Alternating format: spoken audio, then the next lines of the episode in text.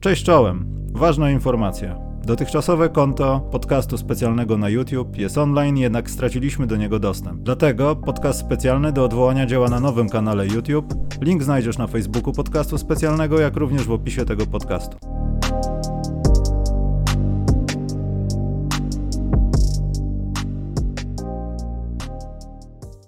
Witamy Państwa w spontanicznym programie, który będzie bez sensu, bo nie ma o czym rozmawiać. Maciek musi trenować przed Mistrzostwami Polski Dziennikarzy, by być jeszcze piękniejszy, bo był fryzjera. Cześć Maciek. Tak jest. Cześć Michale. Jeśli ktoś się dziwi, że na zimę śnieżną sobie wygoliłem łeb z boków, to mogę powiedzieć też, że mój fryzjer y, przypadkiem miał mi skrócić włosy, a mu się machnęło maszynką i tak patrzy na mnie ziom sorry. Ja mówię, no dobra. To, Ale wiesz co, to są lecisz. Jakby strasznie dziwne stopni. czasy, bo tak, możemy używać nomenklatury jak moi dziadkowie, że przed wojną. Możemy teraz mówić o tym, że w kwietniu jest zima, w ogóle prima aprilis pogoda to jest ostatnia, już nie chcę się wyrażać, ale to, to jest żart. Stając rano, niektórzy naprawdę doznali szoku. Dzisiaj wyszedłem na papierosa. Jak z dachu zsunęła się taka fala śniegu, to zrozumiałem, że czegoś zapomniałem i to była czapeczka. Mam nadzieję, że się nie pochoruje. No i też nie ma pewnych chorób z tego powodu. W ogóle to są dziwne czasy, Maciek. Y, nie wiem, czy widziałeś, ale pewnie nie, bo pędziłeś na program, ale doszliśmy do takiego etapu. Ja tutaj, broń Boże, obraźliwie, bo nie do końca ja z tenisem, ale Iga Świątek ma więcej jaj niż FIFA. Nie no, Iga Świątek ma większe jaja niż, tak. niż połowa organizacji piłkarskich na świecie, bo to, co zobaczyłem podczas losowania naszych kochanych kopaczy, no to trochę mnie zdziwiło w obecnej sytuacji międzynarodowej, no ale who cares? Ech.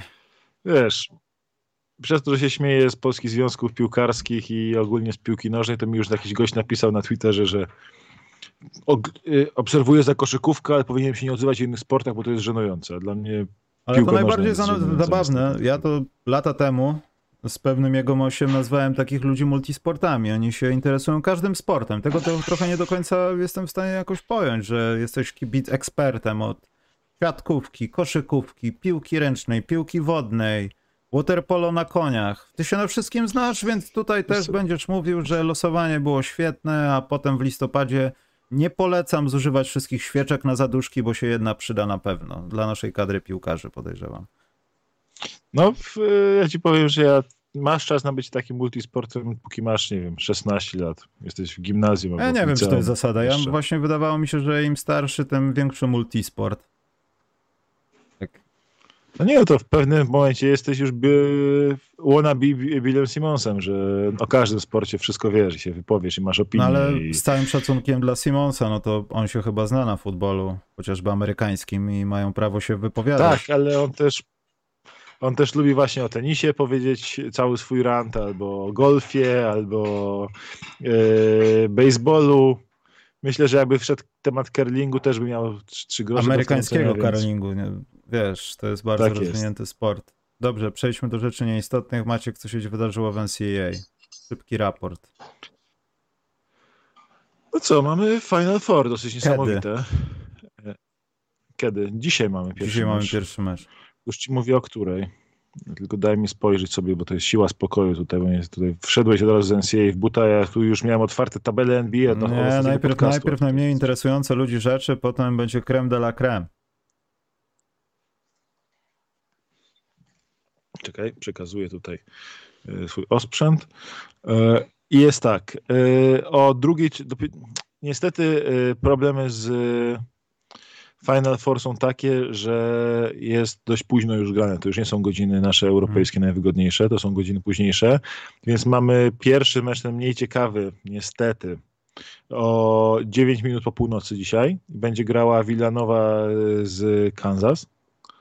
To jest mecz tak naprawdę, że dwóch faworytów tego Final Four gra sobie, przeciwko sobie w jednym meczu. Ale dlaczego to jest mecz mniej interesujący? Po pierwsze mamy tutaj mniej prospektów do mhm. NBA w tym meczu.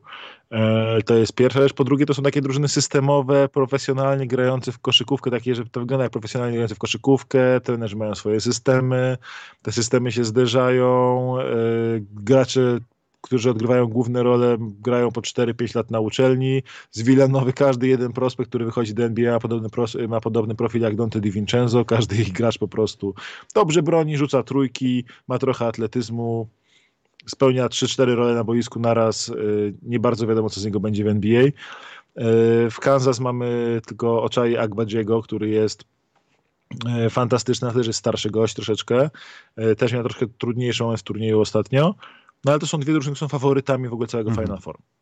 A mimo to ten mecz jest mniej interesujący i szczerze mówiąc najchętniej bym ten mecz obejrzał sobie nadrobił rano, bo ani mnie grzeje, ani ziębi, kto tam wygra. Dużo ciekawszy mecz jest o 2.49 dzisiaj. W sensie Właśnie, skąd to są tak takie popieprzone godziny? Druga 49, trzecia 13. Tradycja, tradycja NCAA. Ale poczekaj, to jest jakoś uwarunkowane czymś tam, że coś tam wiesz, bo ludzie na przykład nie wiedzą, nie wiem czy dalej jest ten zwyczaj, przepis, że na przykład na rozgrzewkach nie możesz dawać danków. Może to jest tak samo bez sensu jak i to.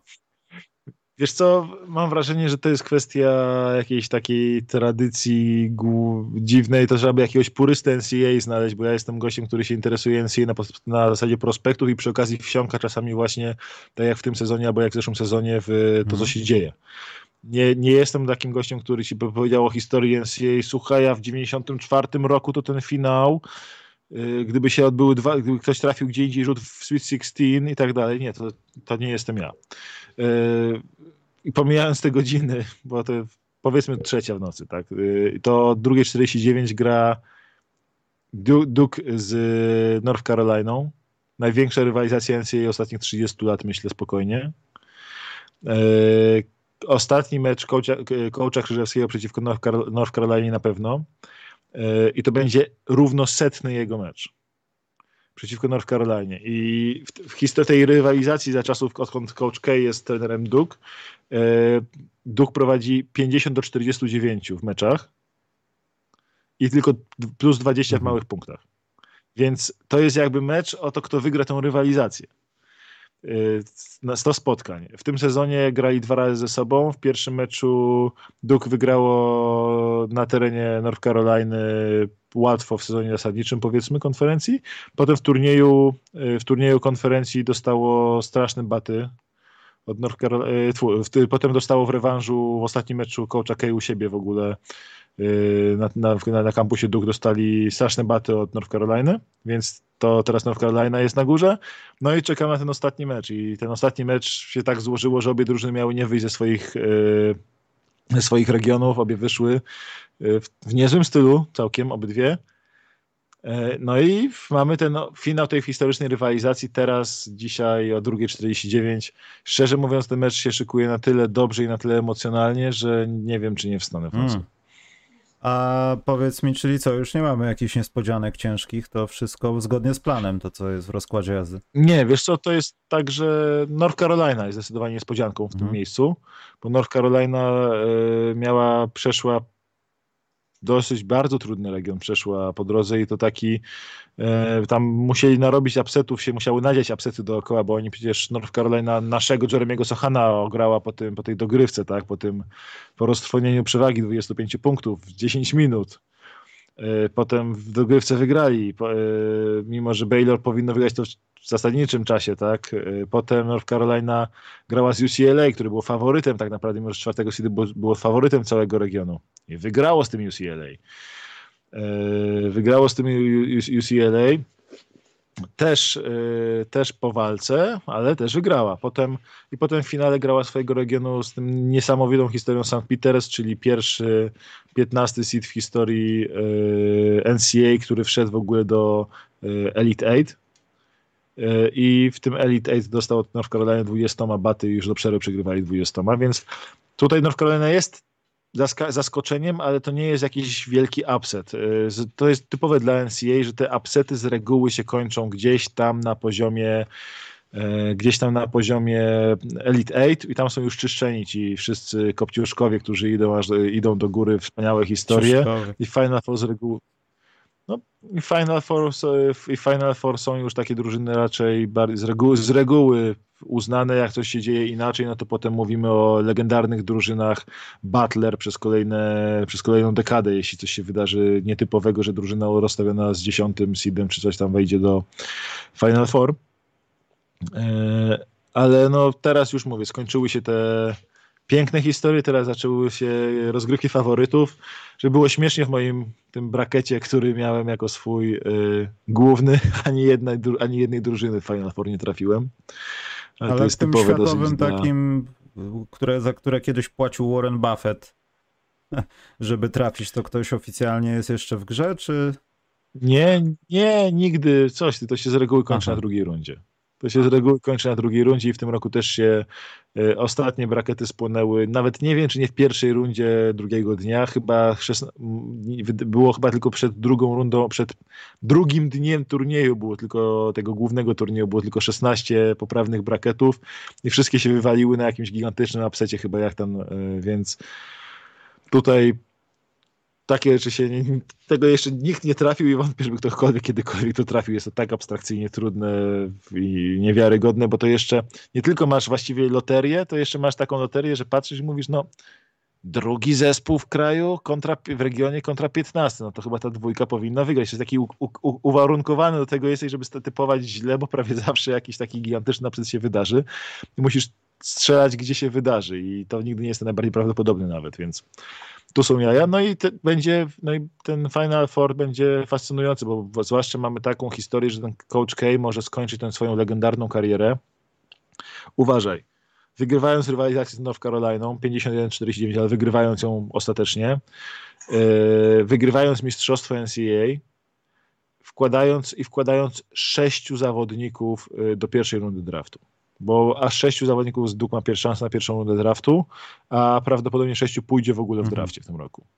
Więc to też jest e, gigantyczna sprawa. No i to jest taka, takie dziedzictwo, które trudno będzie komukolwiek przebić, że on w ostatnim tutaj swoim, ostatni taniec coacha Kei i wszystko rozwali. Tak naprawdę myślę, że to będzie główna narracja tego Final Four i pewnie, jak znam życie, może ograją to North Carolina teraz, ale potem w finale okaże się nagle, że przyjdzie jakaś nudna, systemowa Villanowa, powie no się ma plus 30. Do widzenia coach. Było miło. Dobrze, to jak ktoś jest bardzo zainteresowany, zapraszam do wstawania rano, chociaż dzisiaj w NBA też się będą działy rzeczy, bo trwa uszeregowanie małe. Widzę właśnie, że mecz Cleveland-Nowy Jork do Gasa. Nowy Jork już jest y, na rybkach Pamiętam, że Nowy Jork miał nie być na rybach, e, ale chciałem osta ostatnie pytanie. Jest macie ktoś w NCAA, kto ma szansę bycia w drafcie, a jest tak starym dziadem, że już kończy studia, czy nie mamy takiego okazu? Y, to wydaje mi się, że Ocza jak bardziej właśnie jest. Y, teraz jest i on to jest gość do loterii. Nie wiem, czy on właśnie on jest juniorem albo seniorem. Zaraz Czekaj, sprawdzę. Bo tak już miałem wcześniej teraz... to spytać, ale no oczywiście ten trend dalej freshmanowa to sophomore najdalej, to jest pewnie dalej cały czas aktywny. No, czy to czy ktokolwiek w ogóle jest w stanie dostąpić zaszczytu, albo przynajmniej widzą go skauci, tam eksperci, e, nigdy nie wróci. Loterii, czy to, czy to nigdy nie wróci? Yy, tak, Akbadzi, Akbadzi to jest senior. Akbadzi to, Oczaj Akbadzi to jest senior, to jest gość, który zaczynał karierę w NCAA z, z takiego poziomu bardzo niskiego i właściwie nie był uważany za jakiś prospekt do draftu.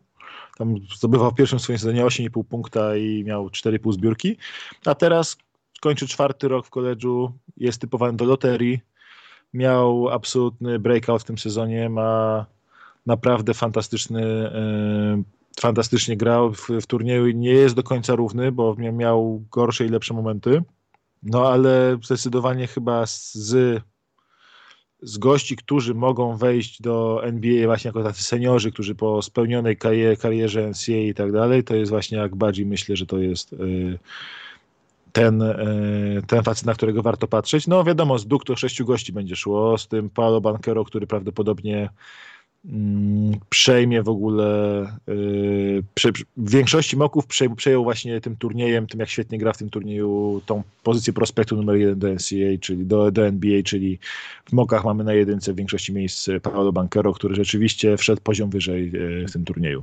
Poczekaj, Ale... kącik językowy, mówię, Bankero czy Banchero? Bo to ważne jest.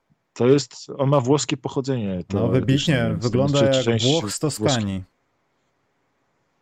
Paolo Banquero tak? podobno. Ja właśnie gdzieś usłyszałem tak, Banchero tak, i wiesz, to może być jak z Karolem Hiro i Herro. Więc wolę to ustalić. Albo jak z Tonem Makerem i Makerem. O, tak? no to tak, ale to jest problematyczne. No, zresztą nie rozdrapujmy, Maciek. Akerem, nie, Makerem, cię, nie, nie, ten, nie rozmawiajmy o tym, bo serce mnie boli. A nie chcę rzucać żartami, ale nie chciałbym dostać zawału. No, jakby to jest temat, o którego nie chcę poruszać. W międzyczasie oficjalnie Cleveland Cavaliers zapewnili sobie pierwszy raz od 98 roku, znaczy mają pierwszy sezon zwycięski, nie, chcia, nie zapewniają sobie.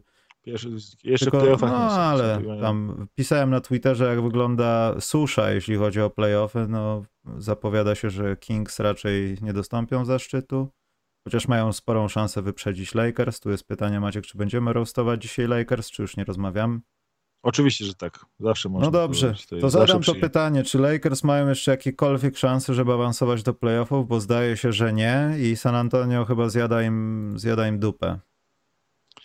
Y, matematyczne mają. San Antonio robi co może, żeby im to miejsce zwolnić, ale Lakersi wcale nie korzystają. Przecież kto tam, chyba Keldon Johnson mhm. spróbował mm. layup sam na sam z koszem w ostatniej sekundzie, przez co oni przegrali San Antonio i Lakersi tego i tak nie wykorzystali i też przegrali swój mecz, a potem przegrali kolejny mecz.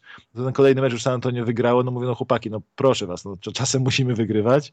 Dodatkowo San Antonio ma jakiś abstrakcyjnie prosty terminarz do końca sezonu. Chyba mają jeszcze co najmniej jeden mecz z Portland yy, i tak dalej, a Lakersi to grają z, z kontenderami i z czołówką, i z czołówką mm. konferencji. Więc y, to y, samo. Ogólnie z Lakersami możemy tutaj na kilka sposobów się przez nich przejechać. Ja bym przeszedł przez ten terminarz na początek, żeby było wiadomo, oni, przegry... oni teraz tracą jeden mecz do San Antonio. Nie wiem szczerze mówiąc, czy mają jaki jest tiebreaker między nimi. Tutaj y, niebity muszę się przyznać, że nie mam pojęcia, jaki mają bilans y, między sobą. Ale jeśli wejdziemy y, w tak. San Antonio ma jeden mecz przewagi, pamiętajmy i wchodzimy w ich terminarz. Ale poczekaj, prześledźmy teraz breakerową sytuację. San Antonio wygrał, Lakersi wygrali z San Antonio na początku sezonu. Po dogrywce ten mecz, no. ja to no. pamiętam. Nie pamiętam, wy... o mam.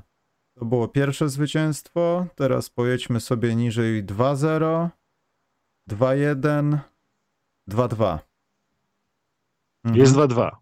Czyli będzie decydował bilans w konferencji czy, czy dywizji najpierw, bo już nigdy Wydaje mi się, tego. że najpierw będzie w dywizji, aczkolwiek po tych zmianach nie jestem pewien. Taki ze mnie ekspert, ale wydaje mi się, że dywizyjne będzie brane pod uwagę pierwsze. No to jeśli dywizja najpierw, to najpierw ma. Ale to i tak i tak San Antonio jest lepszy, bo i w konferencji, i w dywizji San Antonio mhm. jest dużo lepsze. Natomiast no, Lakersi, jeśli chodzi o terminarz Denver, Phoenix, Golden State.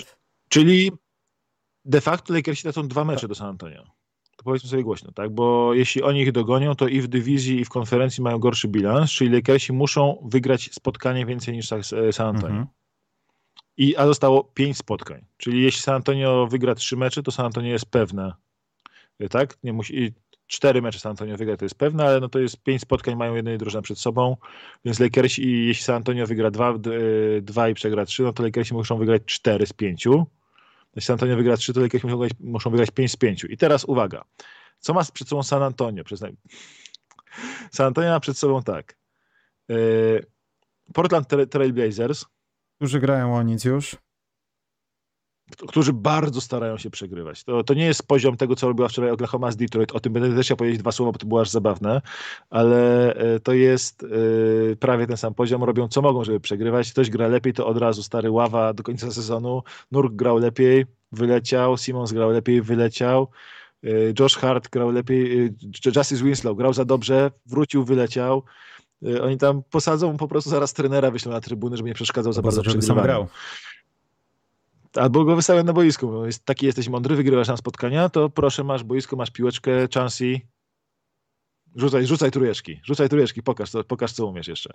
No i mają to Portland, to myślę, że wygrają. Potem jest Denver Nuggets i Minnesota Timberwolves, to są dwa mecze, które pewnie przegrają. Tak i warto wspomnieć, że Denver i Minnesota, też tutaj mam zaznaczone, czekaj, mam Lakersów, y, Denver gra, y, Lakersi grają chyba dwa razy z Denver, to nie będą mecze do oddania i Minnesota i Denver będą walczyć o to, żeby zająć jak najlepsze miejsce w tabeli. No już pomijając Minnesotę, która walczy o to, żeby, no one, one żeby walczą... się wyrwać, a Denver, żeby nie wpaść do play-inów jak gdyby ewentualnie. No. No po tym ostatnim meczu, po tym ostatnim meczu, kiedy Minnesota wygrała z Denver, tam się zmniejszyła ta przerwa między nimi, mm. nie? I to jest taki, że to jest ten e, tam są niby dwa spotkania Staty Minnesota, są tylko dwa spotkania Staty Minnesota, tam tiebreakery też są jakieś niejasne, ale w każdym razie jest tak, Denver, Minnesota to powinien San Antonio przegrają, czy mają 1-2, ale potem kończą y, z Warriors i z Dallas. I tutaj prawdopodobnie obie drużyny będą już yy, miały gdzieś. Miały gdzieś, yy, wręcz Warriors mogą chcieć przegrać na przykład. To zależy wszystko od sytuacji. Warriors Dallas mogą mieć dupie. Jest szansa dla Lakers, pewnie patrzą na to w ten sposób, że drużyny będą obie miały podobne bilanse i wtedy będą chciały uniknąć Phoenix Suns w drugiej rundzie i trafić w pierwszej rundzie na yy, Memphis i obie będą grały do końca. I to jest nadzieja cała Lakers. Jeśli któraś z tych drużyn stwierdzi, typu na przykład Warriors, my i tak chcemy wygrać mistrzostwo, więc mamy wszystko jedno, z kim będziemy grali w drugiej rundzie, no to wtedy mają Lakers yy, przerąbane. Ale załóżmy, że optymalny scenariusz dla Lakers, taki absolutnie optymalny, to jest, że Antonio przegrywa cztery spotkania. To jest trudno, trudne do zrobienia będzie, ale jest taka szansa, że przegrają cztery spotkania mm. z mhm. pięciu. Nie wątpię, żeby mogli przegrać no, pięć jest z pięciu. to niemożliwe. No. Bardziej zakładam, zakładam raczej, że będzie 2-3, ale może będzie, może będzie 1-4. Dobra, patrzymy na Lakersów. Yy, Denver jutro. Phoenix. No nie. Denver jutro nie. Nie, nie ma szans. Nie ma szans. Tutaj wątpię, żeby mieli, mieli większe szanse. Potem Phoenix Suns, którzy są maszyną po prostu. Potem Warriors, którzy w tym miejscu jeszcze mogą, mogą chcieć grać, potem pewnie nie będą chcieli grać. Potem Oklahoma, czyli jeden mecz wygrają i potem znowu Denver. Ja tu widzę znowu dwa do trzech zwycięstw, czyli jedyna nadzieja Lakers według mnie to jest taki, że oni wygrają trzy, a San Antonio wygra tylko jeden. Bo przy tym jak Lakersi są beznadziejni kompletnie, mają dwóch graczy NBA w tym momencie gdzie drugim jest Russell Westbrook. No to jest właśnie, chciałem to powiedzieć, to jest właśnie cały paradoks tej sytuacji, że najgorszy potencjalnie przez ostatnie kilka miesięcy jest najlepszym zawodnikiem drużyny, no teraz. I yy, mamy po prostu już te karykaturalne sytuacje w Lakers przy tym, jak oni grają, że wiadomo, że tam nikt nie, jest, nie grozi rzutem, więc trójkę na, na dogrywkę musi kryć LeBron, kryty przez całą drużynę rywali. To było chyba wczoraj mm. ten taki, że cztery pompki zrobił już przybiegło do niego pół drużyny rywali, kozioł w bok, znowu trzy pompki i oddał rzut przez ręce trzem ludziom, yy, bo i tak przeciwnicy wiedzieli, że on nie ma komu podać, żeby ktoś inny tą trójkę rzucał. Więc yy, no jest to karykaturalna drużyna, karykaturalna sytuacja, a jeszcze to jest absolutnie cudowne, jeśli Lakers nie wejdą do playoffów, jeśli będą w play-inach nawet, ale nie wejdą do playoffów, to oni będą yy, mieć top ten pick draftu będzie ich ich pick draftu, ich pick z draftu będzie w top 10. Mm. Poza tym też mnóstwo możliwości oznacza? do podnoszenia swojego statusu w drafcie. Można coś wymienić, pokombinować, no bo skoro ta drużyna ma się tak, rozpaść, ale... no to... Ale co to oznacza ten pik? To, to Lakersi nie będą tego piku mieli. Ten pik trafia wtedy tak. do Nowego Orleanu. Jest niezastrzeżony. To jest, to jest, to jest bodajże słab. To jest niezastrzeżony słab, ja jeśli dobrze sprawdzę. pamiętam. I ten, ten pik na 100% trafia do Nowego Orleanu, a jeśli wypadnie z top 10, to trafia do Memphis Grizzlies. Oni tego piku nie mają. Ale w Nowym Orleanie jest szansa, że Pelicans mogą mieć, jeśli będą mieć gigantycznego farta w loterii, mogą mieć dwa piki w top 4. Jeśli i Lakers i Pelicans nie wejdą do playoffów i będą mieć farta w loterii. Moment. A ten ósmy pik Lakers yy, to jest bardzo dobry pik i, ma, i jest, uważaj, 26% szans na to, że ten pik będzie w top 4 draftu. Eee, 2022, pierwsza runda od, do Nowego Orleanu albo do Memphis. Eee, I jest tak. 11.30 i tak dalej, 1.10 protekcja. 1.10 protekcja jest w wymianie e, Nowy Orlean, w sensie pik, który trafił do Memphis, jest zastrzeżony, ale przez Nowy Orlean. To Nowy Orlean dołożył swoją protekcję, więc on trafia do Nowego Orleanu i ma 26% szans, to jest całkiem sporo, na to, że będzie w top A 4. jeszcze lepsza rzecz, że drugorundowy pik trafia do San Antonio. Też pięknie. W każdym razie, no Lakers i, i to wszystko jest, i to jest w ogóle cała historia Lakers, to jest jeszcze najpiękniejsze w tym jest to, że to jest wszystko historią o tym, jak katastrofalny dla całej organizacji może być jeden zły deal, czyli ten deal Westbrooka.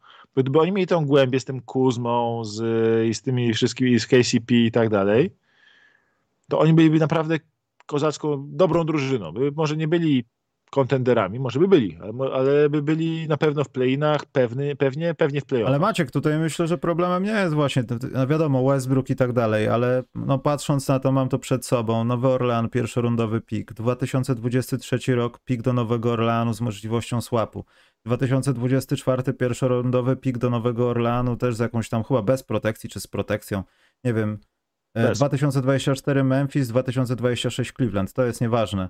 Natomiast no, to jest też pokłosie tego, że pojawił się Antony Davis, e, który nie gra najlepiej, był z porcelany i nagle się i tak, rozsypała drużyna, Ale rozsypały słuchaj, się piki w drafcie i nie mają niczego, no. Ale deal Davisa nie jest katastrofalny, bo dostałeś za to mistrzostwo. No.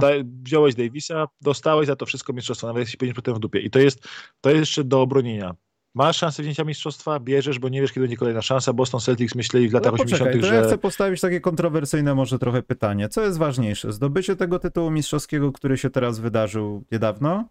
Tak. Czy to, że twoja drużyna prawdopodobnie właśnie w tym roku, no nie wiem jak będzie w przyszłym roku z LeBronem, nie, nie wiem jak będzie za dwa lata, ale traci możliwość ostatniego tańca dla LeBrona. Nie, nie potrafię wybrać. Fakt, wiadomo, tytuł to tytuł. Lebron, tak? no, Lebron wygrał chociaż jedno mistrzostwo. No, to też prawda, ale wiesz, zamknięcie kariery, zamknięcie tego całego, jak to Amerykanie nazywają, legacy, dziedzictwa i tak dalej, no to ja nie wiem, czy lepszym sposobem nie byłoby zdoby zdobycie tego tytułu właśnie teraz niż rok temu. Ja wiem, że tytuł to jest zdobycie i w ogóle wybieranie nie, zdobycia wiesz, tytułu to paradoks, ale... ale przy braniu tytułu nie możesz no, być Właśnie o tym mówię, tak. Jak możesz nie, myślę, że zdobycie to, że zdobyli chociaż jeden tytuł dzięki Davisowi, to jest już warte tego wszystkiego. Zwłaszcza, że Lakers są z Los Angeles i tam zawsze się może wydarzyć coś dziwnego, ktoś może podpisać z nimi kontrakt, mają nieograniczone możliwości finansowe, mm. wiesz, to zawsze tam są furtki inne niż draft, nie? Lakersi przez draft się rzadko kiedy budowali. No nie mieli takiej mówiąc. potrzeby, pieniążki głównie grały rolę. Nigdy, tam jest kasa, tam jest kasa, przychodzi do nich LeBron, wymusza deal do nich Anthony Davis, wiesz, to jest wszystko ten. Problem jest taki, że wymusił deal do nich też Russell Westbrook i wzięcie, bo gdyby oni mieli cały czas LeBrona z tą głębią, czyli mieliby rzetelnych strzelców, KCP jest, Kyle Kuzma, nie wiem, Montrez Harrell pod koszem, cokolwiek, nie, to byliby w stanie, LeBron byłby w stanie dociągnąć to bez Davisa nawet do play-inów spokojnie, ale teraz on po prostu jego najlepszym graczem poza nimi, poza LeBronem i Russellem Westbrookiem, który nie jest pewnie w 30 najlepszych rozgrywających ligi mm. w mhm. tym momencie, jest yy, Stanley Johnson. Ale do, doczeka, Maciek, doczekałeś się. No, ta projekcja Stanleya Johnsona Stanley Johnson wina, Big tak. Free Lakers. Stanley Johnson Big Free Lakers. Mówiłem, Ale... zawsze mówiłem. Jimmy Butler jest Big Big Free Lakers? Nie jest. Stanley Johnson to jest. lat temu. Proszę bardzo. Mówiłem, będzie lepszym Jimmy Butlerem.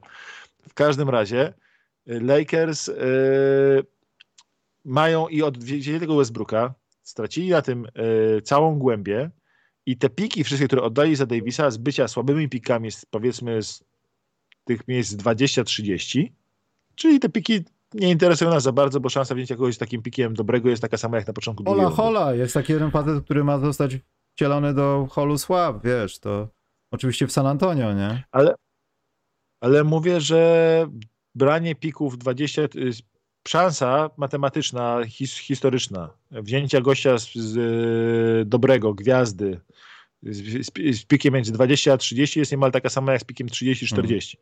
Więc to nie jest taki, to nie, są, to nie są takie dobre piki i to była taka, śmiechy były z Pelicans przed tym sezonem, że tutaj Zion im wyleciał, a te wszystkie piki, które dostali za Holiday'a i za Davisa będą gówniane. A tu się okazuje, że dzięki dealowi Russella Westbrooka te piki, te, te, ten, tutaj jest jeden świetny pik, a przyszłoroczny niezastrzeżony swap to jest też, że złota wygląda. No bo co Lakersi? Bo kto weźmie, kto weźmie od Lakersów tego Russella Westbrooka? Oni muszą dołożyć kolejne dwa piki, żeby go no tak. zrzucić teraz. Po prostu, nie żeby go, coś dla niego dobrego pozyskać, żeby go zrzucić. Nikt go nie weźmie tak straty, no. Mogą ewentualnie pójść z tymi pikami, nie wiem, jeśli Butler się pobije ze Spoelstrą, to pójść i wziąć y, Jimmy'ego Butlera, który się pobije zaraz z LeBronem Jamesem na treningu. To jest ze Stanleyem Johnsonem. To byłoby marzenie fanów. Stanley Johnson. Ze Stanleyem. Ach, pięknie. Tak. I mogą mieć tego Butlera, który co prawda ma kontrakt, jest dużo lepszym graczem od Russella Westbrooka na tym momencie kariery, ale on jeszcze za 4 czy 5 lat będzie stał 60 milionów hmm. dolarów. Więc Lakersi mają takie deale przed sobą, mają takie dylematy latem i to i tak jest pewnie myślę ich wymarzony scenariusz, bo to jest chociaż dobry gracz, którego za Westbrooka dostaną. Oni będą próbowali robić bardzo dziwne rzeczy i to będzie bardzo zabawne, co oni zrobią. Yy, więc to jest w sensie ich kara, bo oni są gównianą organizacją od bardzo wielu lat, która jest bardzo źle prowadzona od yy, śmierci Jerego, Jerego Bassa. Jest źle prowadzona ta organizacja, jest fatalnie zarządzana. Ich fartem jest, ich dostają, mają Lebrona tylko przez to, że są Lakersami barwy purpurowo-złote i Kalifornia, a nie przez to, że są dobrą organizacją, która zasłużyła na takiego gracza. Tak samo dostali Davisa e, i dostali też dodatkowo, mimo że są taką gównianą organizacją, ten tytuł wygrali, no i dostali ten genialny serial, który teraz możemy oglądać. Dla mnie ten serial po prostu jest absolutnie fantastyczny. Ta dynastia zwycięzców, czy jak tam się tłumaczy na, na polski absolutnie fantastyczny, najlepszy chyba serial sportowy, jaki kojarzę, mimo że tych bowlers, o których mówiłeś ostatnio, tam pisałeś mi na Twitterze, też bardzo lubię, ale jednak poziom ten dynastia jest fenomenalna dla mnie. Zazdroszczę fanom Lakers tego serialu i dobrze im tak, że mają tak gównianą sytuację w tym momencie. I tutaj kolejny jest paradoks. Gdyby LeBron James nie pojawił się w Lakers, obawiam się, że nawet i nie doszłoby do tuczenia się pikami i wybierania odpowiednich ludzi w drafcie, bo też trzeba pamiętać, co się działo wcześniej. Ingramy i tak dalej. I to do niczego nie doprowadziło. No, teraz widzimy, co się dzieje w Nowym Orleanie. To prawda, tam też są inne problemy, no ale Brandon Ingram wygląda tam jak człowiek albo jak koszykarz. No, w Lakersach nie wyglądał w ten sposób. Przepraszam, z drugiej strony, Julius Randle, złamany, złamana noga, też nie do końca wszystko w porządku, poszedł do Nowego Jorku, jeden sezon, półtora ma świetne, no i... Jeden sezon. Oj, półtora, w ilu spotkaniach... Półtora, no. Nie bądźmy takimi chamami.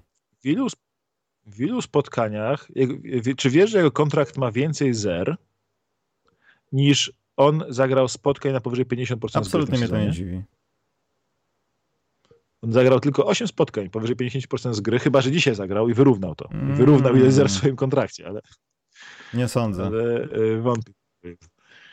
Także to jest jakby y, ta, ten wyścig Lakers, ta pogoń, pogoń Lakers za playoffami wielka. To jest dla mnie najzabawniejsza historia dzisiejszej y, teraz, ale to jest drużyna, która według mnie nie, przez playiny nie przejdzie, jak się tych playinów dostanie. Ale to nawet też... Maciek nie o to chodzi. Ja mam, ja mam poważne wątpliwości. Nawet jeśli jakimś cudem drabinka playinowa zapewni im siódme, ósme miejsce, co oni mogą zrobić w pięciu spotkaniach przeciwko, w pięciu, w siedmiu spotkaniach przeciwko Phoenix?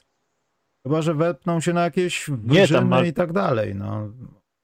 Tam mogą wejść na Memphis Grizzlies jeszcze spokojnie, którzy ich zabiegają. I którzy są lepsi bez swojego lidera niż z nim tak naprawdę. No i tutaj się przypomina Houston Rockets i brak Yao Minga, kiedy drużyna śrubowała rekord chyba 22 wygranych wtedy i, mam wraż... i grała w kosze. Mam wrażenie, że w sensie oni, żeby wygrywać w playoffach, to akurat Memphis potrzebuje swojego lidera, ale teraz w sezonie zasadniczym tak. 22 są... bilans, tak? Bez Moranta? Tak, tak, tak. Aczkolwiek no to też niczego tam nie oznacza, no po prostu drużyna wzięła się do roboty, ma odpowiedni też terminarz, bo trzeba o tym powiedzieć, że też nie jest jakiś taki przesadnie trudny. Natomiast no, na playoffy będą gotowi, wiesz, to samo można powiedzieć o Warriors i tak dalej, ale Lakersi tak czy inaczej jak awansują do playoffów z playinów, to ich szanse są znikome, żeby pokonać kogokolwiek z pierwszej trójki, no. Wychodzą swoją drogą, pamiętasz tego Maciek, tu nie ma dyskusji. Tak, ale swoją drogą pamiętasz tego flexa, jaki tam był w zeszłym sezonie, że e, New York Knicks, że wielkie rynki wróciły? No. Wielkie rynki wróciły. New no York Knicks. wróciły, no, wiesz, Brooklyn no, Nets. była chwila. Los Angeles Lakers, LA Clippers. Żadna z tych drużyn nie jest w tym momencie w playoffach. To prawda. dwie będą prawdopodobnie poza playoff playinami nawet, a dwie play przez playiny muszą się przebijać, żeby wejść do playoffów i wcale nie Mało tego, te przegrywy, kolokwialnie mówiąc, Minnesota, Clippers, Nowy Orlean wyglądają znacznie lepiej niż większość tych dużych rynków, no. Tak, a jaki duży rynek jeszcze by się mówiło w tym sezonie, że wrócił, ale to wcale nie jest takie pewne. Michale, powiedz to. Chciałbym, żebyś to powiedział Jaki ty. duży rynek wrócił? No jaki duży rynek? Wrócił i wcale nie do końca wygląda jakby wrócił jednak jak się Mówisz o Warriors? Nie, wielki rynek NBA. Słuchaj, legenda, lata 90. No. Ale poczekaj, no. Czego my się spodziewaliśmy tak naprawdę? Bardziej chodzi mi o to, że oni przegrali wszystkie spotkania z topką, y, z druży, z kontenderami. oczywiście, wszystkie. ale czy wierzymy w to, że oni to przegrali, bo są słabi, czy wierzymy w to, że w końcu liga się ogarnęła, że ta drużyna jest troszeczkę jednowymiarowa i jeśli podwoisz DeRozana i zapewnisz odpowiednie trudności mu do poruszania się chociażby z piłką albo bez, to nie ma Chicago? W sensie generalnie to jest coś pomiędzy, bo według mnie oni po prostu mieli zaczęli na bardzo łatwym terminarzu i wtedy zbudowali ten cały swój hype. No. A potem ich zajechały kontuzje też, nie? Ale to jest tak, że oni na tym łatwym terminarzu przegrywali wszystkie spotkania z mhm. dobrymi drużynami. Inaczej, czasami wydawało się, że wygrywają z dobrymi drużynami, tylko się okazało potem w trakcie sezonu, że te drużyny są jednak tak. gówniane, bo przegrywały też całą inną masą innych drużyn. E, a potem, e, a potem jakby ich kontuzje zajechały, więc my na, tak naprawdę nawet nie wiemy, z czego są zrobieni Chicago Bulls. Problem jest taki, że zakładanie teraz, że oni wygrają jakąkolwiek serię w playoffach, to jest. Yy... No z kim mogą wygrać? Czy oni wygrają, yy, czy oni wygrają z. Bo oni mogą być tak naprawdę na miejscach 4-6 w tym no, momencie. No mogą być na siódmym Pewnie. nawet, jak źle pójdzie. Ale to byłoby, to by musieli, wiesz, przegrać 3 z 5 spotkań ostatnich, a Cleveland wygrać yy, wszystkie, nie? To jest. Yy to jest prawie niemożliwe. Dziś ale... grają z hit, Maciek, także e... wiesz, worek może się rozsypać. Nie, ale to naprawdę to jest, musiał być jakiś all-time czołg, Miami, Milwaukee, Boston, którzy od 7 stycznia bodajże byli na samym dnie teraz. No to to mogą być trzy przegrane już, Minnesota, dawaj. stary, to może być pięć w top pod rząd, a wygrali to mogą być na mało, mało tego, to jest podobny case do Lakers. Trzeba przypomnieć, że Lakers wtopili pięć kolejnych spotkań i spodziewać się, że wygrają szóste następne, no to, to jest takie 50-50 trochę, wiesz, jak jesteś w serii, to... A że, a że Bulls mają 4-6 w ostatnich 10 spotkaniach, no Poza słuchaj. tym, wiesz co, ja mam takie wrażenie, yy, osoba, której tak nie za bardzo byłem w stanie uznawać jako gracza, za Klawin, jest osobą, która chyba jest trochę powodem tego wszystkiego, bo ta cała oś ofensywna przeniosła się ewidentnie w kierunku DeRozana. No trudno się dziwić, też każdy trener by to przeniósł ten sposób. Nawet jeśli by gracz nie chciał, to ja bym wszystko pakował w DeRozana. I jednocześnie masz drugiego dobrego kolesia ofensywnego, który staje się takim smurfem, pomocnikiem. Mało tego, świetnie się czuje w tej roli. Nie ma żadnej odpowiedzialności. Kiedy trzeba, oczywiście bierze się tam za mecze i, i gra, ale tak naprawdę wie o tym, dobra, ja tam jestem, ale Demar się zajmuje tymi rzeczami. I to jest taki jeden z poważniejszych problemów, że trochę stracili lawina. No, ja już nie mówię o bolu, że nie ma kto trochę kontrolować czasami piłki, te obietnice na playoffy miały być, a może ich nie być, no bo nie wiadomo w jakiej formie wróci. Natomiast. No Patryk, wiesz, tak, fajne, że Patryk Williams wrócił, no. wygląda Tylko dobrze. pytanie, czy nie za wcześnie. Fajne, ale... No, Bulls są dosyć takiej trudnej sytuacji teraz, generalnie rzecz ujmując. Tak? No, od półtora jest, miesiąca są w ten... trudnej sytuacji, można powiedzieć. Tak jest. Więc te duże rynki się pojawiły, przypomniały nam się i wszystkie się zawijają. Nawet Warriors też się dość solidnie zwinęli. Wydawało się, że są absolutnym liderem ligi nie do zajechania, a teraz bardziej e, mają przed sobą, nie mają szans na drugie miejsce w konferencji, a mogą spaść nawet w, czysto teoretycznie mają tylko pięć porażek przewagi nad Timberwolves. Jeśli przegrają wszystko do końca Warriors, to Timberwolves to mogą wypaść z play-inów, z playoffów. Ale to jest oczywiście niemożliwe, tylko tak matematyczna szansa na to jest jeszcze. I teraz Warriors z poziomu, czy my, czy Phoenix Suns wygramy zachód, jesteśmy na poziomie czy my, czy, yy, czy, czy, czy, chcemy yy, spaść w tabeli na szóste miejsce, żeby uniknąć Phoenix Suns, czy kogoś tam, wiesz, to jest, było takie troszeczkę jajeczka. Nie wiadomo o co chodzi z, ze zdrowiem Stefa Kerego. Nie wiadomo w jakiej, jak naprawdę, jak bardzo zdrowy jest Draymond Green. Clay y, Thompson bywa nie dobry, bywa nie. Thompsonem, no. Trochę.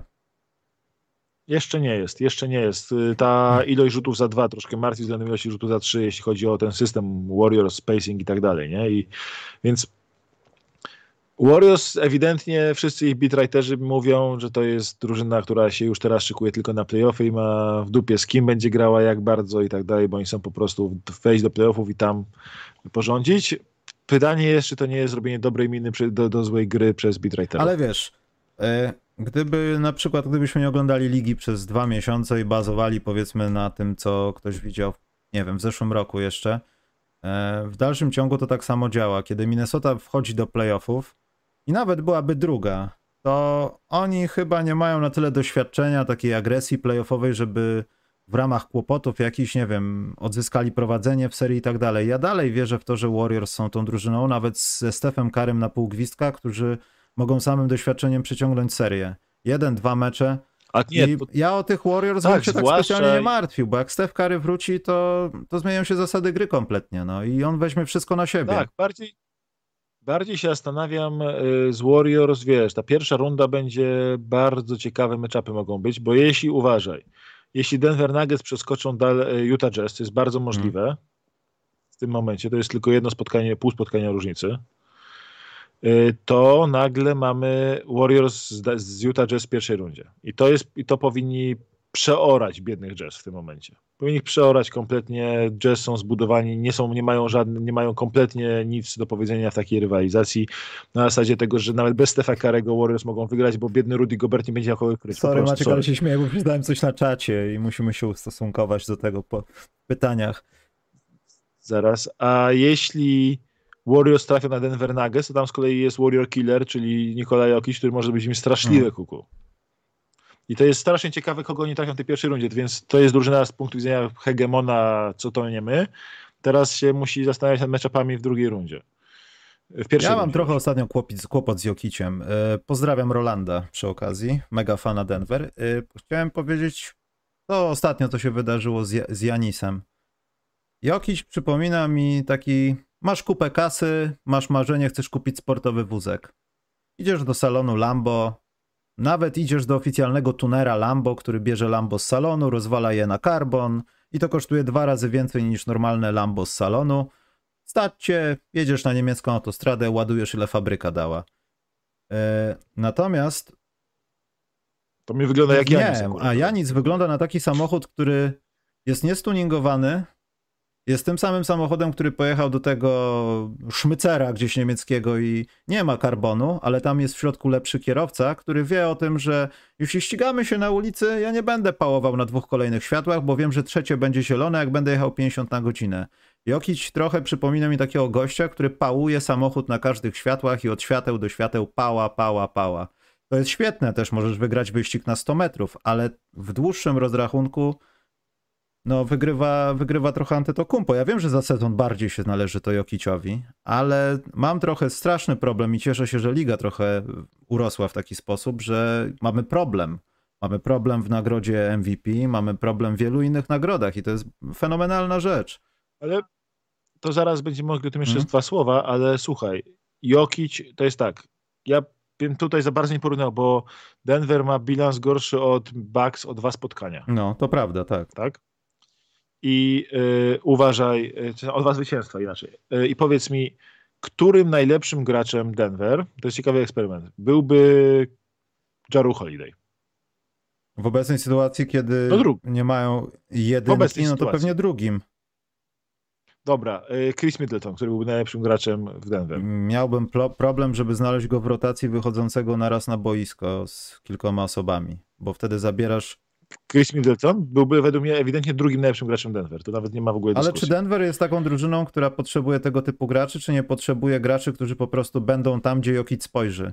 Chris Middleton nie do końca jest takim Ale to gościem Chris chyba, Middleton wiesz? jest Chris Middleton jest tym gościem, który właśnie jest tym gościem, który jest tam, gdzie Janis spojrzy, nie? No, Więc... może tak, ale Chris Middleton potrafi e- przejąć spotkania, Aaron Gordon nie potrafi przejąć spotkania, Will Barton nie potrafi przejąć spotkania. No, słuchaj, którym najlepszym graczem Denver był Bobby Portis? Robiłem Bobby Portis look. Nie wiem, ja nie wiem, Drugi. czy Bobby Portis jest naprawdę. Ja chcę zobaczyć Bobiego Portisa w takiej intensywności w playoffach, ale w tym roku, ale w tym roku w playoffach. Chcę zobaczyć to potwierdzenie. Jeśli tak, Bobby Portis wchodzi do jakiegoś wyższego levelu. Według mnie jest lepszy, jest lepszy i od Arona Gordona i od e, Nie, no to raczej tak. jest lepszy. On ma fenomenalne Więc spojrzenie. jest drugi, byłby drugi. Problem jest taki, że yy, najlepszym Aaron Gordon byłby piątym najlepszym graczem e, w najlepszym przypadku w Milwaukee Bucks. Mm. Był piątym graczem Milwaukee Bucks. I byłby czwartym czy piątym graczem yy, Philadelphia 76ers. No ja zadam inne pytanie, co by było, gdybyśmy zrobili taki szybki transfer jak Jokic za Janisa w tych samych warunkach, w tym samym obudowanym składzie, z tymi samymi kontuzjami, które są w Denver. Kim by był? I to jest, i to jest y, trudne, bo mam wrażenie, że y, by miał, że trudno byłoby podnieść Denver na wyższy poziom niż teraz jakiś mm. z nimi gra. To jest dla mnie absolutnie abstrakcyjne, że drużyna, która jest bez swojego drugiego i trzeciego najlepszego gracza i która y, gra bez ilu? 80 milionów dolarów na korcie? 70 milionów dolarów na mm. korcie, tak? Płaci kontuzjowanym gościom za, za leczenie i że ta drużyna ma, gra na 60% zwycięstw. Prawie 60% zwycięstw. To jest abstrakcyjne, to jest yy, myślę, że to historycznie bardzo trudno byłoby znaleźć w ogóle porównanie do tego. To jest ciekawe. On, Jokic, dla mnie ten sezon, co gra Jokic w tym momencie i Denver Nuggets, to jest większa, la, większa, większy wyczyn Jokicia niż zeszły sezon, kiedy dostał MVP. A on regularnie gra mecze, jak ostatnio miał mecz taki, że oglądałem go w nocy i on y, zaczął mecz od 12, 7, 5, 2 przechwyty, 1 blok, 0 strat, 6 y, na 6 z gry w pierwszej mm. kwarcie. Więc on robi niewiarygodnie dobrą robotę i tak samo w tym sezonie jest taką troszeczkę laurką dla yy, Mike'a Malona, gdyby tylko nikt nie ma szans według mnie w tym momencie na tytuł tenera roku yy, poza Montym Williamsem. Monty Williams musi być trenerem roku i tyle. No też mi się tak trochę wydaje, że to jest taki trochę no-brainer. Bo on w zeszłym roku tak. nie wygrał, nie? On w zeszłym że roku to byłoby nie krzywdzące, że jeśli Więc w tym roku by nie dostał, to już jest krzywda, po prostu jakaś niesprawiedliwość boska, tak. etc bo należy I to z całym szacunkiem do Taylora Jenkinsa, który w Memphis jest robi niewiarygodną robotę, zrobił niewiarygodną robotę, po prostu nie można w tym roku olać Montego Williamsa. On musi wygrać tą nagrodę. Ale wiesz co, jeśli ktoś by się, bo to też trochę jest niesprawiedliwe, bo Memphis, pomijając Jamoranta i to, że ta drużyna działa, to się wszystko ładnie zazębiło, kto podejrzewał, że Desmond Bain będzie grał tak w kosza? Ale Desmond Bain, Dylan Brooks jak gra to jest świetny, rzadko grywa, ale jak gra to jest świetny. Jaren Jackson Jr. ma y, jak y, o ma ty, taką przewagę w blokach nad drugim y, graczem, który zrobił, zrobił najwięcej bloków mm. w tym sezonie, jak drugi tak. nad ósmym.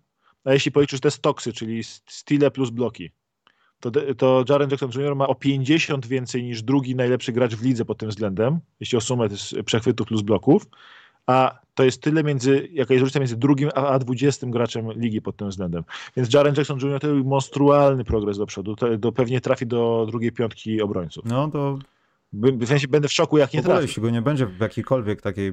Y, Tius Jones y, wygląda, że gra tak niewiarygodnie dobrze jako backup, że prawdopodobnie Memphis nie będzie stać, żeby go hmm. przedłużyć. Tak. Zaraz. Bo gość jest absolutnie niesamowity. Melton robi gra w tylu różnych rolach w tej drużynie i w każdej jest dobry, że to się w głowie nie mieści. Oni mają po prostu 10, 12... John Conchar byłby trzeci najlepszym graczem Lakers, albo drugim. Więc o czym, o czym my tu rozmawiamy? Ale, ale to jest Adams... trochę grit and grind 2.0, co? Że mniej masowanka pod koszem, więcej trójek, dzisiejsza koszykówka, ale dalej jest ten sam to patent, jest... no po prostu zagryzać przeciwnika. To jest w obronie, to jest w obronie grind, w ataku to jest tak. kontra. I, wy, I wszyscy mówią, że dużo y, analityków mówi, że oni nie będą w stanie y, grać tak z kontry w playoffach. A według mnie, czemu nie? Trudno będzie zabrać im tą kontrę, skoro oni hmm. tak bronią. Skoro oni tak polują na przechwyty, skoro oni tak bronią, skoro tak jadą do przodu. Trudno będzie ich zatrzymać. Fajna drużyna, ale mówię, cały czas y, nie wolno dać, komu, naprawdę nie wolno dać nikomu poza Montym Williamsem e, nagrody trenera roku. Po prostu nie wolno. To się nie godzi, żeby on nie dostał Ja bym jeszcze popracował nad egzekwo. Ale jakby nie było egzekwo, to...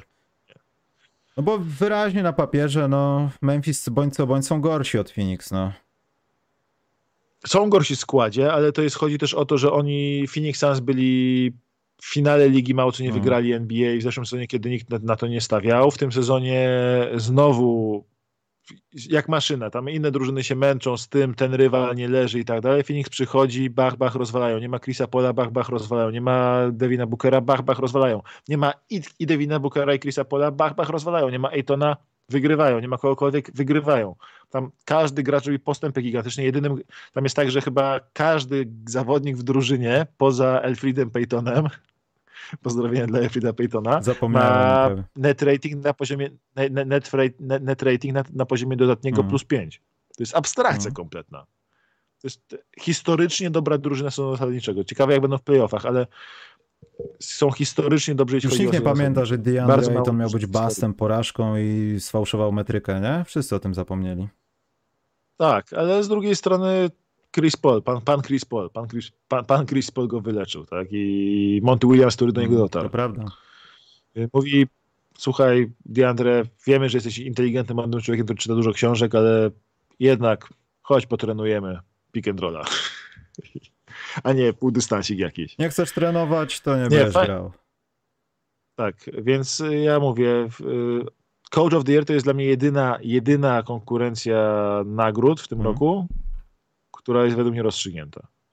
Wszystkie inne to są jakieś kompletne jaja. Jeśli ktoś mi powie, że wie, kto jest MVP z trójki Janis, yy, Jokic, Embiid, no parę śmiechem twarz. No to Wiesz, tutaj myślę, że przy tej nagrodzie niestety będą, znaczy stety, niestety, będzie grała większa próbka. No, jeśli ktoś ma rozegranych więcej spotkań, a ma ciut, lepsze statysty- ciut gorsze statystyki, to po prostu nie wygra, bo to będzie już na żyletki. Już będzie, nie wiem, wywiad środowiskowy, jak przez dzielnicowego prowadzony. Kto jest lepszy, kto jest grzeczniejszy, kto przeprowadził kota przez ulicę. Małe punkty się liczą, wiesz, to naprawdę będzie trudne, a na koniec dnia i tak zadecydują głosy ludzi, którzy zagłosują jak zechcą. Wiesz, boję, że będzie brany pod uwagę e, bilans drużyn, a to jest strasznie, w sensie inaczej, miejsce drużyn mhm. w tabeli. Bo Denver jest na szóstym miejscu zachodu, ale ma 46 wygranych. Bucks są na drugim miejscu wschodu, mają tylko 48 wygranych. Sixers mają 47 wygranych na czwartym miejscu wschodu. Więc różnica między tymi trzema drużynami są, to są dwa zwycięstwa. To prawda. Więc to jest żadna różnica. A Jokic gra bez jak mówiłem, jego najlepszy gracz, drugi najlepszy gracz yy, grający obok Jokicia byłby piątym najlepszym graczem w tych dwóch drużynach, więc ja myślę, że to go stawia troszkę nad Embidem. Pytanie, czy go stawia nad Janisem. Ja bym go dał nad Janisem mimo wszystko, ja bym Jokiciowi dał MVP, ale jeśli ktoś mi powie, że Janis jest, bo pokaże mi linijkę z marca, Janisa w marcu był po prostu absolutnie, totalnie, całkowicie obłędny, to mówię, no to nie zaprzeczę mu. To jest tak, mówię, moim MVP jest Jokic, ale jak ty, twoim MVP jest Janis, to ja się z tobą zgadzam. Jeśli ktoś przyjdzie i mówi, patrz na Embida, co jak on ciągnie worek i jeszcze tylko ma Doka Riversa do ciągnięcia, który mu przeszkadza jak może. No nie ułatwia mu na pewno. To nie, na pewno mu nie ułatwia, to powiem, w sumie masz rację. Mimo Doka Riversa jesteś tak dobry, zgadzam się, że Embiid jest MVP. Potem widzisz go w meczu przeciwko swojej drużynie i tak jak ten mecz z Pistons, tak, to no przegrali z Pistons przegrali z Pistons, ale no nie możesz się przyczepić do y, Embida, który robił co chciał, tylko jak oddawał piłkę komukolwiek, to była tragedia. Tam w tamtym meczu chyba ławka Philadelphia była 15 punktów, a Pistons 60. W ogóle Antek wygrywa trochę w moich oczach, to na przykład jak ten ostatni mecz y, bodajże tak z Filadelfią wyglądał. Y, ja jestem w stanie uwierzyć, że ta trójka rzucona, ona nie była rzucona po to przez Janisa, żeby wygrać mecz, tylko żeby wygrać mecz i pokazać ludziom, wiecie co, ja tak jak powiedział w wywiadzie pomeczowym, ja nie jestem od wsadów, ja mogę sobie rzucić, ja teraz jestem wszystkim, Panem Bogiem waszym jestem i będziecie robili tak, jak wam zagram, chyba, że się połamie. I to jest fenomenalne, to jest też niepodlegające nagrodzie, ocenie, statystykom. Natomiast no to, że miałeś kłopoty z rzutem przez lata i nagle robisz takie rzeczy, że łapiesz tą trójeczkę, rzucasz, bo możesz. Oczywiście to też jest kwestia tego, że może nie miał do kogo podać, akurat czuł się w rytmie, ale to jest fenomenalna rzecz. To są rzeczy, za które powinny być dawane nagrody, bo to jest, to jest dużo trudniej niż, prze, niż rzucić 40 punktów w meczu, mam wrażenie. Przełamać swoje trochę takie słabości, bojaźnie jakieś, które polegają na tym, że no nie jesteś, nie możesz być najlepszy na każdym polu koszykówki, bo nie ma takich zawodników w ogóle i nie będzie. No. I to jest świetne. Dobra. Yy, I ostatnia rzecz, jeśli może mogę tak tutaj przejść przez tematy, Musisz. które nam zostały, te wyścigi no. i tak dalej no to mamy Rookie of the Year, które znowu, jeśli ktoś jest w stanie powiedzieć, to jest Rookie of the Year, to znaczy, że nie ogląda dwóch pozostałych kandydatów. Bo Cade jest niesamowity, jak patrzysz tylko na Cade'a, ale potem włączasz sobie mecz Cleveland i mówisz co robi Mobley? W ogóle co, co mhm. to jest za gość? Przecież ten gość jest niewiarygodny w obronie. I mówisz sobie, dobra, no to no Cade jest głównym gościem z piłką, jako fan Pistons się przekonuje, no dobra, no to w takim razie gość z piłką jest ważniejszy niż gość grający trochę poza piłką, ma gorszych kolegów, to on powinien być Rookie of the Year, ale potem włączasz sobie Toronto, Scottiego Barnesa, który nagle kryje w jednym posiadaniu centra, a w następnym posiadaniu jest rozgrywającym. Tak. I to głównie dzięki niemu są na piątym miejscu teraz w NBA, czy szóstym. Tak, i on ciągnie i nie wiesz, mimo że Pascal Siakam jest absolutnie fantastyczny i Fred Van Fleet jest fantastyczny, bo są All-Starami, tak naprawdę nie wiem, czy Siakam chyba nie był w All-Star Game, ale skillem jest All-Starem, no to mówisz, Scotty Barnes od nich nie mhm. odstaje. Hmm. A to dopiero dziecko jest. I, a to dopiero dziecko uśmiechnięte, pulchniutkie jeszcze troszeczkę. I tak mówisz, Jezu, co to się dzieje w ogóle? Więc masz trzech gości i to jest, trzeba by rzucić trójścienną kostką, sześciościenną kostką, Taką masz jak w e, Warhammerze K20 rzucasz i... Tak, rzucasz, po prostu jest trzech gości niewiarygodnych i to są takie wyścigi, strasznie fajna jest liga pod tym względem, że nie jesteś w stanie tych wyścigów mm. rozstrzygnąć. I to jest najlepsze. Oczywiście zaraz wiedzie jakiś biały nerd tutaj nasz, jakiś sprzed komputera, jakiś fan, który powie, ale Franz Wagner ma najwyższy, jest top 5 każdej efekty, każdej statystyki dla rookies. No jest, ale to niczego nie dowodzi tak naprawdę. A poza tym, no co by było, gdyby Kate zagrał większą część sezonu, a nie miał tego początku, gdzie go nie było? Byśmy tak. chyba trochę też stracili Mobleya, bo mam wrażenie trochę, że Mobley był świetny, bo fokusowaliśmy się na nim bardzo pełne skupienie tylko dlatego, że ta konkurencja była gdzieś dalej. Scotty Barnes się rozkręcał, Mobley przejmował mecze, to Cleveland jest w ogóle chodzącym szokiem. E, ludzie się dowiedzieli, że jest taki zawodnik jak Darius Garland, Sexland to nie są już śmiechy bo ich nie ma, w sensie nie ma połączenia tego, jest, jest jeden gracz i, i, i to jest fajne. Poza tym, ja nie wiem, czy sobie przypominasz, ale zwykle w NBA było tak, że to takie przejście z generacji na generację albo zmiana jakiegoś układu sił zawsze wiązała się z tym, że to było takie jednostronne trochę. Były dwie, trzy drużyny, reszta była do dupy, a teraz naprawdę jest ciężko wybrać kogoś, kto w mniemaniu e, nawet kibica danej drużyny jest najlepszy, zdobędzie tytuł, zasługuje na tą nagrodę, bo końcu jest pole do tego, żeby się naprawdę merytorycznie kłócić i każdy może mieć rację. Pełno argumentów, które tak. bronią każdego, nie wiem, odpowiedzi, wyboru czy czegokolwiek. I to jest fenomenalne. Nie wiem skąd to się bierze, ale Adam Silver na pewno teraz sobie pali gigantycznego jointa ze szczęścia, że nic nie zrobił i nagle takie rzeczy się porobiły. Przyszedł talent, kończy tak. się LeBron James, skończył się dawno Dwayne Wade, Carmelo Antony nikogo nie obchodzi. W zasadzie ci starzy garacze nikogo nie obchodzą. A liga jest tak napchana talentem. Dokładnie, jest napchana jak kabanosy. Dosłownie jak nigdy kabanosy. wcześniej. I w, wreszcie mamy miejsce na. Swoją drogą, wreszcie, ja myślę, że to się wydarzy w ciągu najbliższych trzech lat. Wreszcie mamy miejsce na kolejne tej drużyny NBA. Mamy tyle talentów w lidze, że spokojnie możemy obsadzić kolejne tej drużyny i nikt nie zauważy roz, mm. rozwodnienia. I nie mamy Simonsa, który nie zagrał w tym sezonie. Nie mamy Zajona, który miał być chodzącą nadzieją NBA. E... Nie mamy dużego fragmentu tak. Kyriego Irvinga. No ale widzimy Kyriego Irvinga, poza tym to też nie była jego wina, że te no, szczepionki ale... i tak dalej. Dobra. Jedną rzecz bym powiedział tylko o Cage'ie hmm. jeszcze, bo jego zespół po tym jak zagrał fantastyczny marzec, fantastyczny, tam w marcu tylko dwa razy rzucił mniej niż 20 punktów, to było 17-18 punktów, miał tam 20 parę punktów, 8 zbiórek, 8, 8 asyst i tak dalej. Super, super marz zagrał, więc co zrobili Pistons wczoraj? Bo to jest rzecz absolutnie niesamowita i to jest najciekawsze, naj, najzabawniejsze, że jaką dawno widziałem. Pistons wpuścili swoich starterów dla zmyłki na mecz z Oklahoma, gdzie było wiadomo, że jak Pistons wygrywają, to będą na równo z Oklahoma mm. w Tankatonie e, w, w, wyścigu czołgów, ale jeśli przegrają, to będą już dwie porażki yy, lepsi albo gorsi od Oklahomy i że już nie ma szans Oklahoma dogonić. Więc obie drużyny postanowiły przegrać. Tylko Oklahoma na bezczela od razu powiedziała, nawet Pokuszewski jest za dobry, żeby grać w tym meczu. Więc siedzą wszyscy, a Pistons powiedzieli, no to my przy, gramy o zwycięstwo i wpuścili swoją ostatnią y, pierwszą piątkę wśród graczy, których jeszcze nie skończyli ich sezonu, czyli wpuścili Sadika tak. Beya, Isaiah Stewarta, Kade'a Cunninghama, po czym po sześciu minutach powiedzieli prima aprilis i ich posadzili na ławkę i no już ich wstali. ręcznika. No. Więc, więc uważaj na listę graczy, która w tym meczu zagrała powyżej 10 minut. Nie wiem, czy znam chociaż połowę. Isaiah Livers, Killian Hayes, Braxton Key, Jamkoro Pickett, Saben Lee, Frank Jackson po stronie Pistons. Po stronie yy, Oklahomy Aaron Wiggins, ale grał ciutkę za dobrze, więc usiadł po 24 minutach. Jalen Hort, Isaiah Roby, Vid Krejci, Theo Maledon, Lindy Waters, Oliver Sar. w ogóle to mam mały mecz gwiazd powoli. Więc to jest tak i w tym meczu najlepszym zawodnikiem na parkiecie był e, Kilian Hayes, czym udowodnił, że co prawda na, na NBA się średnio nadaje, ale na tle G-League wygląda jak gwiazda. Mm. Żeby było śmiesznie, bo to jest tak, że w Pistons tak, e, Braxton Key to jest pick-up z G-League, Jamkoro Pickett grał cały sezon w G-League, Saben Lee cały sezon w G-League, Isaiah Livers cały sezon w G-League, więc to jest naprawdę skład z G-League i, i tak Pistons wygrali ten mecz ale to przez to, że bezczelna Oklahoma, mówię, grała 40 minut Jalenem Hordem, który zebrał 20 piłek w tym meczu i ciągle nikt nie wie, jak on wygląda.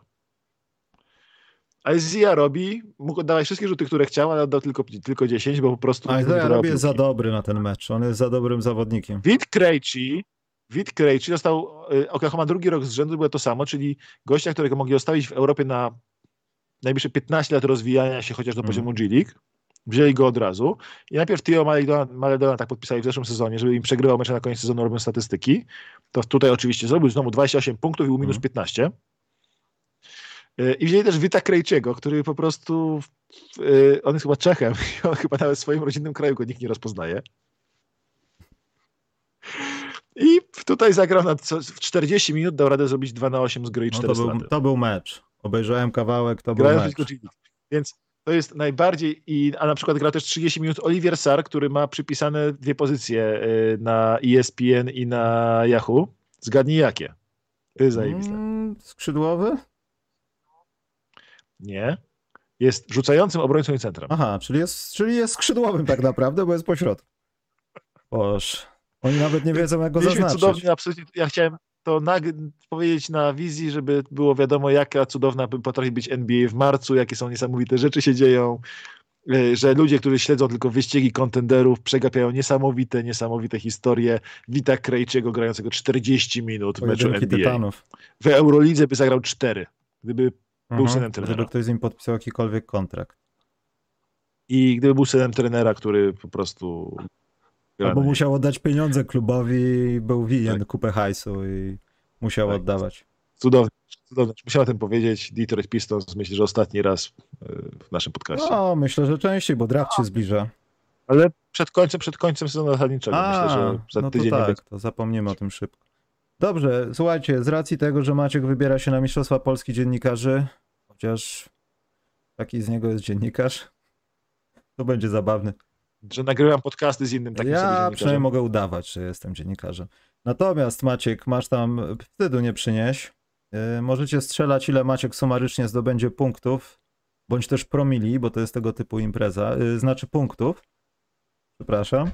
Yy, natomiast Przejdziemy zaraz do pytanek, ale od razu mówię, że następny program zrobimy tak bliżej. Myślę, że Karola będę starał się mocno namówić, żebyśmy znowu przewidzieli to, kto zdobędzie mistrzostwo. Postawimy sobie jakąś tabelkę, bo tak, 8-9 dni, żeby zostało, więc żeby tak na świeżutko do tego podejść. E, więc przejdźmy do pytanek. Tutaj będą pewnie jakieś obraźliwe taka szybka rundka, tak, bo już dokładnie. Tutaj... E, dobrze, skoro chcesz szybką rundkę, to ja od razu odpowiem. Zubek pytał, cześć, czy w Warszawie są jakieś bary sportowe, które, w których można obejrzeć mecz NBA? Wiesz co, ja zatrzymałem się na etapie Winnersa. Myślę, że jak się pójdzie do czempiona, o ile jeszcze coś takiego egzystuje, to na którymś z telewizorów można obejrzeć, ale takiego dedykowanego, dedykowanej knajpy to ja nie kojarzę. Ja bym powiedział, że. Chyba, że u mnie w domu zapraszam, no ale grupą, zwłaszcza jak się grupą zgadasz, to w Nines u lewego można oglądać, tam jest, są specjalne takie sale ala kinowo, Nie, ale ja mówię Maciek o takim miejscu, gdzie wchodzisz z ulicy poziomie. porobiony czy nie i nagle widzisz, że gra Krejci i rzuca 40 punktów. Nie, to w Nines się zdarza, w Nines się zdarza czasami, w Nines się zdarza, tam u lewego się zdarza. Winnersa już nie ma, dziękuję, e, właśnie tego się spodziewałem, czy oni się przeszli restrukturyzację, czy zbankrutowali, ale to raczej to drugi. Y, nie, w Nines, na Brackiej zdaje się pojawiają się te mecze, tam gdzie Marcin Więckowski robił zlot fanów Bulls, y, też pojawiają podobne mecze koszykówki. Y, w Nines, a, a, tak, to, tak to szczerze mówiąc, raczej trzeba się ustawić z ekipą i po prostu namówić knajpę, która ma wykupiony pakiet sportowy. Grzegorz Zięba napisał wcześniej Kobe Bryant, draft. No tak, to był ostatni dobry pik w drafcie Lakers. To ale to nie była budowa przez draft, bo Brian był dodawany do Shaquille O'Neal'a pozyskanego na Hama wyciągniętego tak, z małego i Vlad Divac był y, ofiarą tego wszystkiego. Oni się przewijają goście, którzy byli brani w drafcie, ale to raczej nie jest metoda Lakers. Mm, ko- Magic Johnson też był z draftu, słuchaj. Mnie nie było na świecie wtedy, na szczęście jeszcze. E, komu dać Defensive Player of the Year? To o tym pogadamy, ale Myślę, że bliżej, nie wiem, może gdzieś w playoffach, ale z tym może być problem. Szczerze mówiąc. Ja mam gigantyczny z tym Bo problem. kilku graczy trzeba uhonorować. Kilku graczy z tych, których trzeba uhonorować, kompletnie im się ta nagroda nie należy. Ja mam problem. nie wiem, piątkę łatwiej jest wystrzelić, ale jeśli chodzi o jednorodny taki to, to możemy sobie strzelać, że Rudy Gobert na przykład, albo Jaren Jackson, bo, albo Bama Debajo, bo, bo coś. Nie wiem. Wiesz co, Rudy Gobert tak, e, w sensie właśnie to jest, jest masa graczy, bo na przykład Marcus tak. Smart zasługuje strasznie, Michael Bridges zasługuje Fred strasznie. Van Vliet. E, Fred Van Fleet może, masz yy, tego, masz Pat Beverley nawet, tylko on odpuścił dużo spotkań. Mm, to prawda. Ale on zmienił całą drużynę na tożsamość defensywną, nie? I to jest tak, Boston Celtics, mówię, Marcus Smart na pewno, ewentualnie może Robert Williams, ale Robert Williams yy, za dużo opuszcza według mnie, żeby tam mm. tą nagrodę dostać. Tutaj to opuszczanie będzie ważne.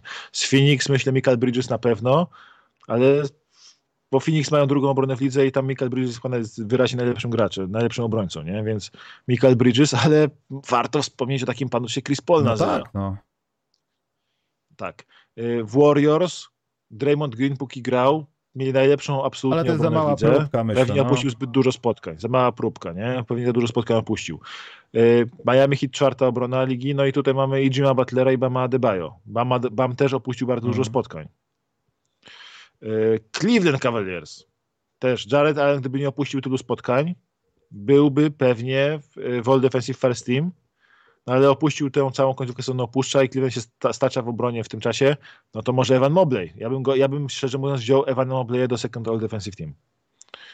E, Memphis Grizzlies, przegapiliśmy tutaj, jeszcze o nich nie mówimy, ale tutaj masz Jezu, to możesz wziąć Stevena Adamsa, możesz też wziąć Jarena Jacksona Juniora. Właśnie mówiłem o takiego kosmicznych statystykach bloków i przechwytów. Dallas z kolei nic, ale znowu Toronto Raptors, tam możesz całą piątkę wyjść do defensive team po prostu. Każdy tam jest dobrym obrońcą, więc masz tych y, Joel Embiid też może, ale od Joel Embida lepszy defensive rating kto ma i wszystkie statystyki defensywne? Nikola Jokic. Ale, ale poczekaj, z Jokiczem to jest po prostu chyba zasługa i wina tego, że on jest sam sobą wszędzie i wszystkim. I nie ma odpowiedniego pomocy zastępstwa, żeby ale ogarniać te rzeczy. Faktycznie, gdyby za, nie potrafił bronić, to by tego nie było, o czym mówisz, oczywiście. Wiesz, ja bym go nie wrzucał do defensive team, ale, albo do DPOY, ale bym go wspomniałbym o tym, że ma fantastyczne statystyki defensywne. Wiesz, Rudy Gobert ze swoją obroną jest poza top ten ligi. Dobra, musimy kończyć Dobrze, Czyli Maciek, odpowiadamy szybko na ostatnie pytanie, które nie wiem, czy jest sens odpowiadać, ale raz pytał, widać, że ma Twittera, pytanko, kto jest większym dzbanem w konflikcie Babiarza z Chmielewskim? Bo chodziło tylko o Czeta, Helmgren, Helmgrena, tak? Że... Ja bardzo lubię ich, ja, ja bardzo ich obu lubię, szczerze mówiąc. Yy, Mateusz jest dzbanem z założenia, to jest mój dobry, to ty, to, jest, to ty to powiedziałeś. zawsze. To on jest założenia zawsze dzbanem, to jest jeden z moich najlepszych kumpli, jest totalnym dzbanem. Yy, Eryk. Żeby nie zabrzmiało to źle, Eryk w tym konflikcie odpowiedział jako osoba reprezentująca nurt Afropolaków. Nie wiem, czy można nazwać tak, tak. to. W sensie Eryk jest po prostu, ja Eryka lubię, ale Eryk według mnie jest po prostu dzieciakiem, który troszeczkę momentami y, go ponosi, go przenosi, przereagowuje i tak dalej. O, to on cię skosi y... na tych mistrzostwach Polski dziennikarza do kanału sportowego, to ale, ty już nigdy nie ale pójdziesz. Ale ja go przytulę pod tym koszem, ja go, przytulę, jak on wyjdzie, ja go przytulę z czułością i miłością, słuchaj. Mówimy ale, głosu. Y, chciałbym powiedzieć, że w tym takim małym rancie, co by nie było podśmiechujki, każdy z nich ma rację. Tak naprawdę. Tylko Eryk jest taki, że po prostu się poczuł, no bo on bardzo często wchodzi w skórę konfliktów rasowych i tak dalej. Wiesz co, on się poczuwa, przy, przyszywa konflikty rasowe tam, gdzie ich nie trzeba. Według mnie Mateusz tam akurat tym cały ten konflikt, to był on go, bo Mateusz po prostu porównał, yy, porównał Holmgrena do, mówi, że gdyby Holmgren był inaczej, innej rasy, tak, to by y, były porównywane pewnie do Janisa i do Duranta przez swoją budowę na wejściu do NBA i styl gry troszeczkę też. Bardziej do Janisa myślę. Y, a bo Janis jak przychodził do gry, mniej więcej taką rolę do NBA pełni taką rolę jak Holmgren no tak. niższy. Ale on nie ma tej, ale przez to, że on nie ma tego frame'u szerokiego, czarnoskórego frame'u i łatwości nabywania hmm. mięśni, bo patrząc, bo Durant też nabrał bardzo dużo masy. Durant nabrał 50 y, funtów y, masy ciała w NBA, nie? To on nie widać tego po nim. Bo tak to mięśnie rozeszło, same w zasadzie nabrał dużo masy. Janis nabrał potwornie dużo masy. To jest kosmiczne, co się pokazuje z nim. Holmgren nie ma szans tak przy, przy, przytyrać i jego maksem jest taki porzingis, jeśli wszystko dobrze pójdzie, z wąską obręczą barkową, gdzie tych mięśni też hmm. dużo nie nałożysz. Nie? I dlatego Mateusz powiedział, że przez to, że on jest biały, to go porównuje do najbliższym kąpem jest y, Porzingis, co już nie jest takie seksowne jak y, Durant lub Janis. I od razu wyciągnął mu Eryk rasizm. No przepraszam, ale on chce walczyć, dobrze myśli, ale według mnie po prostu tu go troszeczkę poniosło i przy tych wszystkich takich żartach, podśmiechujkach i tak dalej mam wrażenie, że troszeczkę Erykowi się dosyć regularnie kończą na Twitterze nerwy, gdzie sam pokazuje, że ten dystans ma do siebie, bo i ten grzebień, i ta czapeczka z włosów i parę innych rzeczy, które sam wrzucał zresztą na Twittera dla Beki. To klasyk. To jest, za, to jest zabawne, mi się to podobało, że on to wrzucał i o tym pisał. Y, bardziej mnie dziwi, że potem w takich rozmowach traci ten dystans nagle i go coś ponosi i potem po jakieś durne prowokacje rzuca na Twittera.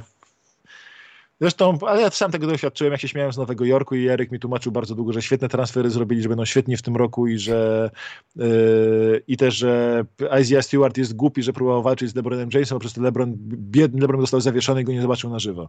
I Eryk bardzo mocno głośno przeżywał od kretynów, wymyślał Isaiah Stewarta przez tydzień za to, że tak naprawdę oddał LeBronowi.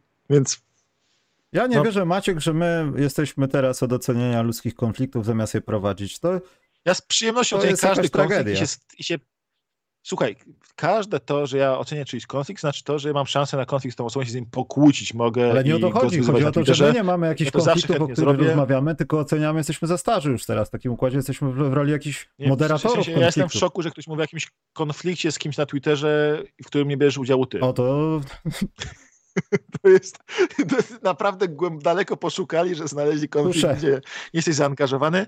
Chociaż gdyby ktoś widział, y, jak, jak się przyjaźnisz z Mateuszem, to może by jednak zapisał, kto ma rację w tym konflikcie. Się... Eryk, Mateusz czy cichy wspólnik y, nie, Górny. No, ja, ja, a, kończymy ten podcast.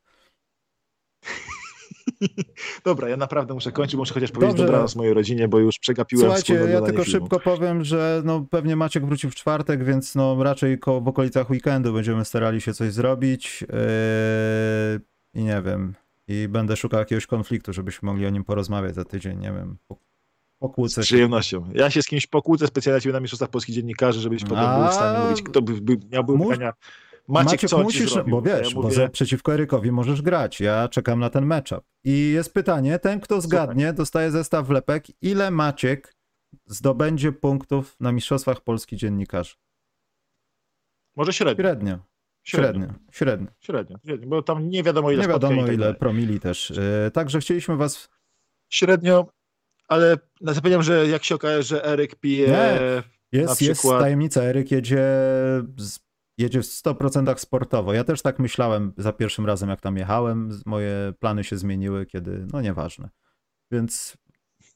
No to jeśli Eryk nie odmówi picia, to wtedy no... mamy konflikt. Eryku, ja ci to zapowiadam.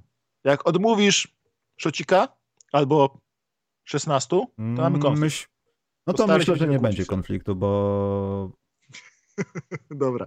Ko kończymy Dobrze, w takim razie. Trzymajcie się, dzięki tym pozytywnym akcentem idę ćwiczyć przed Mistrzostwami Polskich Dziennikarzy. Bardzo dobrze, Maciek. Nie połam się, wróć z kolanami, nie jeździ na nartach, wróć do dzieci. A wam życzę no. miłego wieczoru, weekendu. Trzymajcie się, czołem, cześć. Dzięki, na razie.